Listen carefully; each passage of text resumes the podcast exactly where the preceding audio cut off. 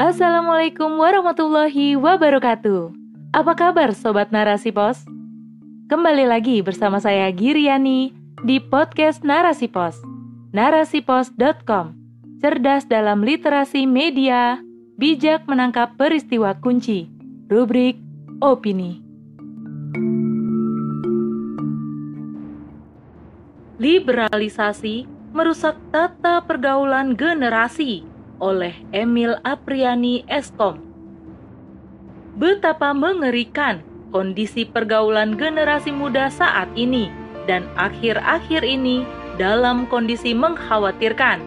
Permasalahan pergaulan bebas generasi muda setiap tahunnya semakin merajalela, bahkan kerap kali menjadi sorotan utama di tengah masyarakat. Seperti yang terjadi baru-baru ini, kasus yang cukup menyita perhatian publik. Seorang mahasiswi NW memilih mengakhiri hidupnya dengan menenggak racun di samping makam ayahnya pada Kamis 2 Desember. Hal tersebut nekat dilakukan NW karena merasa depresi setelah kekasihnya memaksanya untuk aborsi. Hal tersebut terungkap setelah pihak kepolisian melakukan pemeriksaan kepada mantan kekasihnya yang merupakan oknum polisi. Menurut Wakapolda Jawa Timur, Brigjen Pol Slamet Hadi Supraptoyo, keduanya kerap melakukan hubungan layaknya suami istri yang terjadi mulai 2020 hingga 2021.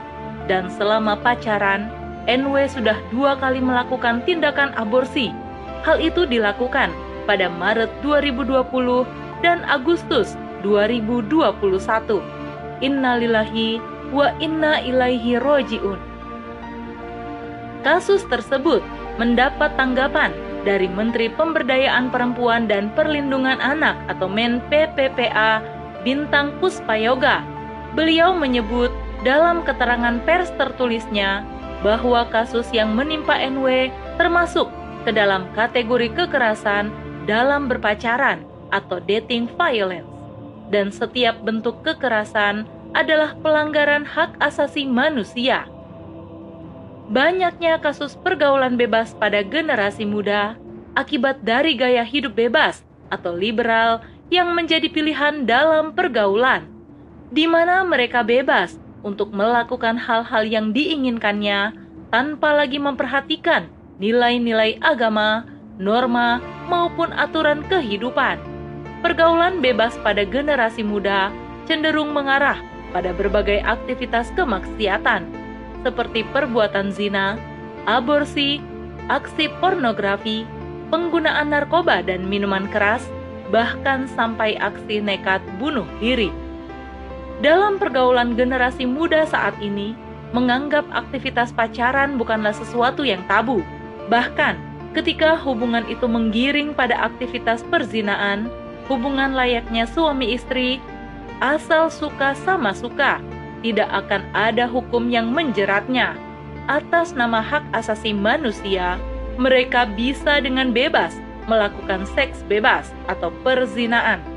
Yang akhirnya, ketika perzinaan menumbuhkan benih dalam rahim dan para pelaku tidak siap dengan kehadiran janin tersebut, maka tindakan aborsi menjadi alternatif sistem pergaulan bebas dengan gaya hidup bebas akhirnya menimbulkan kebebasan yang menjadi kebablasan. Hal ini dikarenakan penerapan sistem sekulerisme yang memisahkan agama dari sendi-sendi kehidupan. Peran agama dijauhkan dalam kehidupan dan pergaulan, sehingga makin menyuburkan liberalisasi dalam pergaulan atau serba boleh yang tidak mengenal halal atau haram ataupun pahala dan dosa di tengah generasi muda, bahkan menjauhkan generasi Muslim dari keislamannya. Sangat disayangkan, padahal generasi muda ini adalah pemilik peran strategis sebagai agent of change dan generasi penerus bangsa, negara, serta agama. Peran penting inilah yang sangat dimuliakan oleh Islam.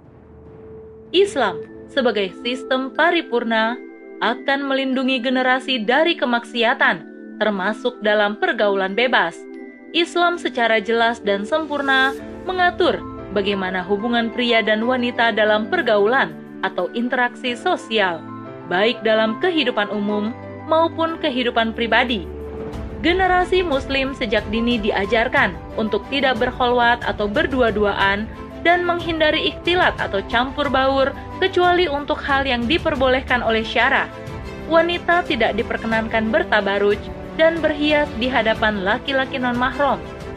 Islam melarang baik pria maupun wanita memandang lawan jenisnya dengan pandangan birahi atau nafsu, mengharamkan aktivitas pacaran karena termasuk mendekati zina.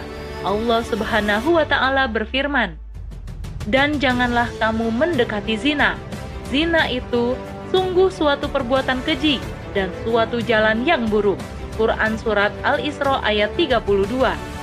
Islam juga membatasi hubungan seksual antara pria dan wanita dalam ikatan pernikahan dan dalam kehidupan umum. Islam membatasi hubungan antara pria dan wanita hanya untuk saling tolong-menolong atau ta'awun. Selain aturan preventif atau pencegahan, aturan Islam juga berfungsi kuratif, yakni sistem sanksi yang tegas bagi pelaku zina. Bagi pelaku zina yang sudah balik dan belum menikah, negara akan menerapkan sanksi berupa cambuk 100 kali dan pengasingan selama dua tahun ke tempat yang jauh. Sanksi tersebut sejatinya menjaga kemuliaan akhlak generasi agar tidak terulang pada yang lainnya. Semua ini adalah bentuk penjagaan Islam yang paripurna terhadap generasi dari kemaksiatan pergaulan bebas dan akan terlaksana dengan baik jika diterapkan dalam satu naungan institusi yang melaksanakan syariat Islam secara kafah, yaitu Daulah Islamiyah. Wallahu a'lam bishawab.